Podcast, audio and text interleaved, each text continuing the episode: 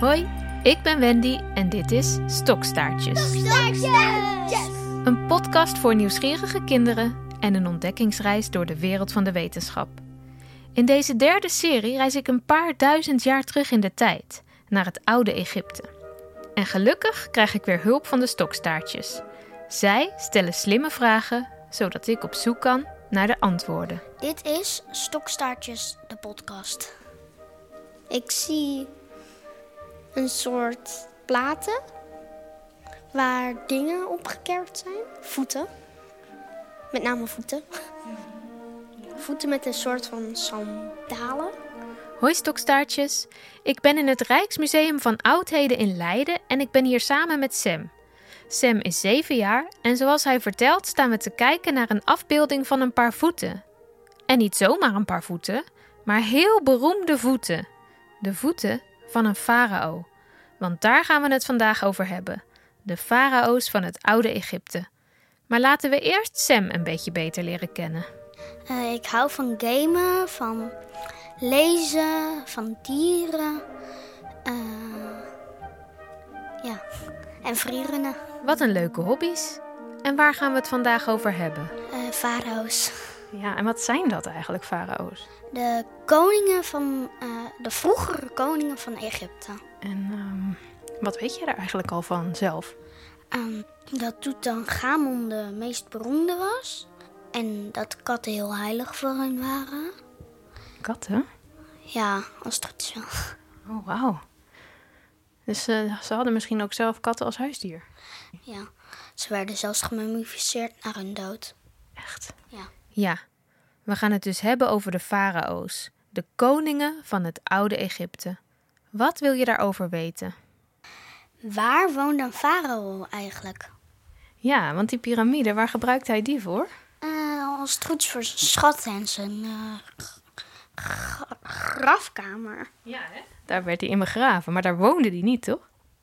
Dat, weten, dat wisten we niet zo zeker, maar ja. Ja. Ja, dat vind ik ook wel interessant. En waar ik ook benieuwd naar ben, wat, wat zou zo'n farao nou de hele dag hebben gedaan? Ja, Juist. Sam en ik willen eigenlijk wel wat meer te weten komen over het leven van een farao. Waar woonde hij? En wat deed hij de hele dag?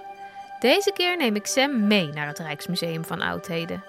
Daar hebben we weer afgesproken met Egyptoloog Petra Hogenboom. Haar kennen we nog uit de vorige aflevering.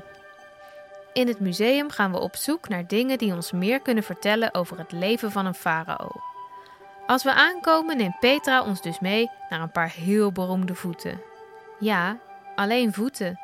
We kijken naar een stenen plaat waarop allemaal plaatjes zijn uitgekerfd en daar zien we dus twee paar benen en voeten met sandalen aan.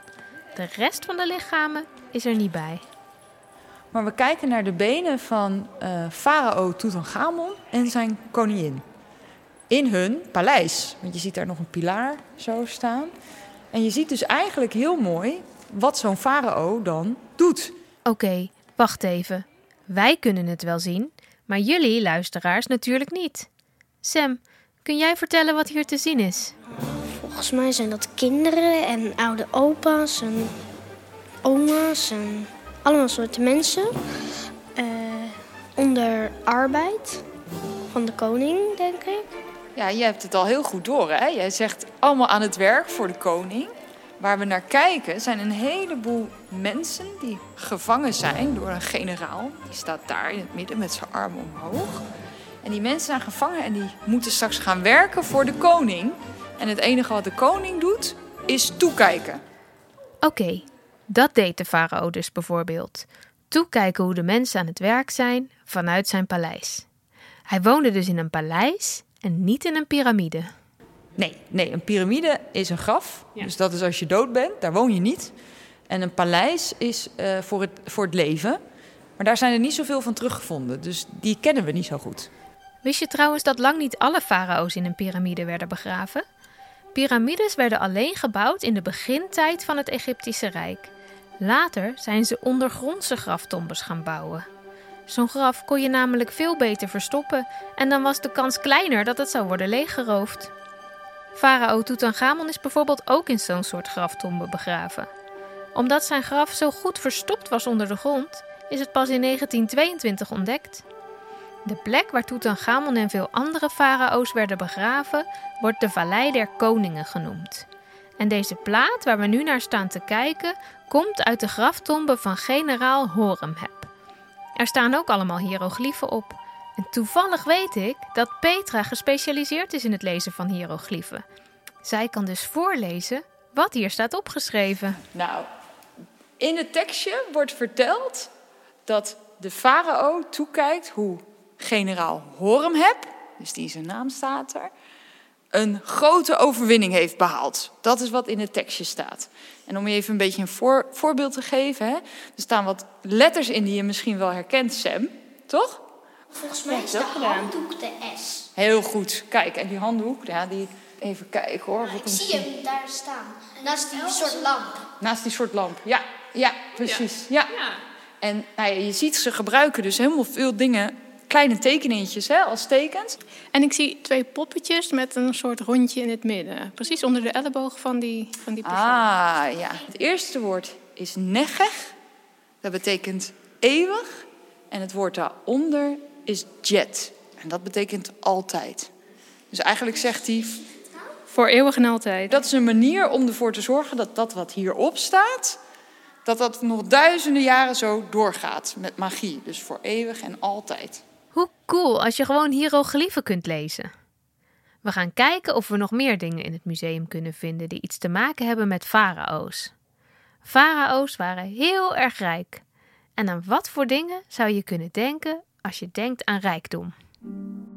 En als je denkt aan rijk en rijkdom, dan denk ik altijd aan goud. Denken jullie daar ook aan? Snap ik. Kijk eens. Oh. Dit mag niet gestolen worden. Nee, nee, daarom zit er ook zo'n grote glazen kast omheen. Hè? Dat is niet de bedoeling. Dit is niet van een farao zelf, maar dit is wel door een farao gegeven. Gouden sieraden. En waarom weten we dat nou? Nou, er staat hier, als je goed kijkt, staan ook allemaal tekens op. Zie je dat? En kan je ook zien dat die tekens die staan in zo'n cirkeltje. Weet je wat dat is? Toevallig? Dat is een naamcirkel. Een naamcirkel. Ja, we noemen dat een cartouche. En daar staat de naam van een farao in. En dit, in dit geval is het farao Toetmozes. En die heeft, eh, die heeft dit cadeau gedaan aan een van zijn generaals. Dus we weten dat dit heel erg dicht in de buurt is geweest van een farao. En dat was een van de taken van een farao. Het leger een beetje besturen. Dus eigenlijk voor al die generaals eh, een beetje opdrachten geven en zo. Bij een farao horen natuurlijk nog veel meer rijkdommen. Wat zou een koning bijvoorbeeld zijn zonder een kroon? Zullen we die eens gaan bekijken? Ja. Oeh, kijk, dit zijn ook van die eh cartouches. Ja. Jij hebt er toen ook een van getekend, Ja. weet je nog? Van mijn eigen naam. Ja, precies. Farao Sam. Nou, heel goed. Deze, deze naam is eigenlijk heel makkelijk te lezen. hè. Ik ga jullie een beetje helpen. Dat was geen Egyptenaar, maar het was een Romein. En zijn naam was N-E-R-O. Nero. Heel goed, Nero. Die dacht, ik word ook lekker farao en ik maak lekker mijn naam als Egyptenaar. hey, ehm, die farao die heeft dus een kroon op, hè? Nou, die kroon die is niet bewaard, maar daar hebben we wel heel veel plaatjes van. Maar de farao had twee kronen. Hij had een rode kroon, dat is deze, de kleur is alleen weg, met zo'n krul op zijn voorhoofd. En hij had een soort, hij had een witte kroon, een soort smurfenpuntmuts noem ik dat altijd. Dat is deze. En de witte kroon en de rode kroon, die kon hij op elkaar zetten. En dan had hij één kroon gemaakt van twee kronen. Want de rode was van één deel van het land en de witte van het andere deel. En dan zei hij, kijk, ik breng die delen samen en dan ben ik koning van het hele land. Over kronen gesproken, Sam heeft nog een vraag die daarmee te maken heeft. Is een farao hetzelfde als een koning? Hmm, wat zou een verschil kunnen zijn tussen een farao en een koning? Koningen hebben denk ik iets meer uit onze tijd eh, paleizen en zij hadden piramides. En uh, Tutankhamon eh en zo hadden ook echt goud eh, op hun hoofd. Laten we het Petra vragen. Is een farao hetzelfde als een koning? Nou, ik denk een beetje hetzelfde als een koning. Want hij bestuurde het land. Hij had ook een kroon. Volgens mij heeft Willem-Alexander ook wel een, eh, een kroon. Maar hij was bijvoorbeeld ook de baas van eh, het hele geloof in het oude Egypte. Dus hij was de allerhoogste priester. Nou, dat, dat is bij ons is dat apart. Dat is, dat is niet iets wat koning Willem-Alexander moet doen. Ehm, dus daar zit dan soms wel verschil. En was hij ook de baas van het leger? Was hij ook de baas van? Ja, hij was ook de hoogste opperbevelhebber van het leger. En was er ook zoiets als een feestdag voor de farao, een soort Koningsdag? Uh, ja, ja, je had zeker een soort, uh, soort Koningsdag. Uh, zo zou je het kunnen noemen. Eén keer per jaar had je in, in Luxor, dus had je een heel groot festival. Dat heet het Opet Festival. En ja, daar ging de farao dan naartoe en daar vernielde hij zijn koningschap. Dus daar moest hij ieder jaar naartoe. En dan moest hij naar de god Amon. Um, en die kreeg dan een soort bevestiging van ja, je mag nog een jaartje koning zijn. En dat was heel feestelijk. Dat begon eerst met een paar dagen. Maar uh, tegen de tijd dat we het over Ramses de Grote hebben, was het echt uh, uh, een feest van bijna een maand. Met lekker veel lekker eten en drinken en muziek. En als je geluk had, acrobaten bijvoorbeeld. Dus het was een heel groot feest voor iedereen. Sommige dingen zijn dus hetzelfde bij farao's en onze eigen koning. En andere dingen zijn verschillend. En er was ook een soort Koningsdag in het oude Egypte. Terug naar de museumstukken. Er is namelijk nog iets waar je een farao aan kunt herkennen. En dat is een bepaald dier. Kat? Hele kat? Een? Nee, kleiner nog. Een vliegje. een vliegje. En hij zit daar. Wat is het? Een koningscobra? Juist. En je zegt het gelijk goed, een koningscobra. Ja, dus de farao die had een slang op zijn voorhoofd vaak. En daarmee kon je dus zien, oh dat is een farao of een koningin. Nou, en als je dan gaat kijken, zie je bijvoorbeeld hier tussendoor, wat zie je daar op het voorhoofd van die meneer? Een koningscobra. Een koningscobra. Dus zo herken je een farao. Ja, een koningscobra is een slang en de farao droeg die op zijn hoofd als teken van macht. We gaan nu naar het laatste museumstuk kijken. Farao's hadden namelijk ook huisdieren. En in Egypte kun je zien dat het een huisdier is, omdat hij dan onder een stoel zit van degene van wie die is. Dus hier zien we al een dier wat ik jullie al heb horen noemen. Kat. Ja, een kat. Maar er staat nog ergens anders onder een stoel een ander dier. Een stoel. Kun je eens kijken? Even kijken. Daar, een aap. Ja, een aap. Kun je je voorstellen dat je een aap hebt als huisdier? Is dat nou een gibbon? Nou, het is waarschijnlijk een baviaan. Die waren in Egypte heel populair. Maar je ziet wel dat zelfs de Egyptenaren die vonden dat een beetje spannend, zo'n baviaan. Want als je heel goed gaat kijken, dan zie je dat de kat, die zit los onder de stoel. Maar de baviaan zit toch echt nog eventjes aan een touwtje. Ja, dat zie ik. Ja, die hebben ze toch even vastgemaakt. Zou jij dat ook doen? Een, een aap vastmaken aan een touwtje? Ik zou hem niet eens in huis nemen. Produceert veel te veel poep. Ja, dat is ook weer zo. Gelukkig mag je tegenwoordig helemaal geen apen meer houden als huisdier. Apen zijn wilde dieren en die horen in de natuur. Sam vindt het trouwens opvallend dat de Egyptenaren zo vaak katten hebben afgebeeld. Waarom waren katten zo belangrijk? Nou, dat is echt heel erg leuk. Um, want het was niet alleen belangrijk voor de farao, het was belangrijk voor heel Egypte. Um, deels omdat een kat was een heel fijn huisdier. Dus ja, waarschijnlijk hadden heel veel mensen ook een kat als huisdier.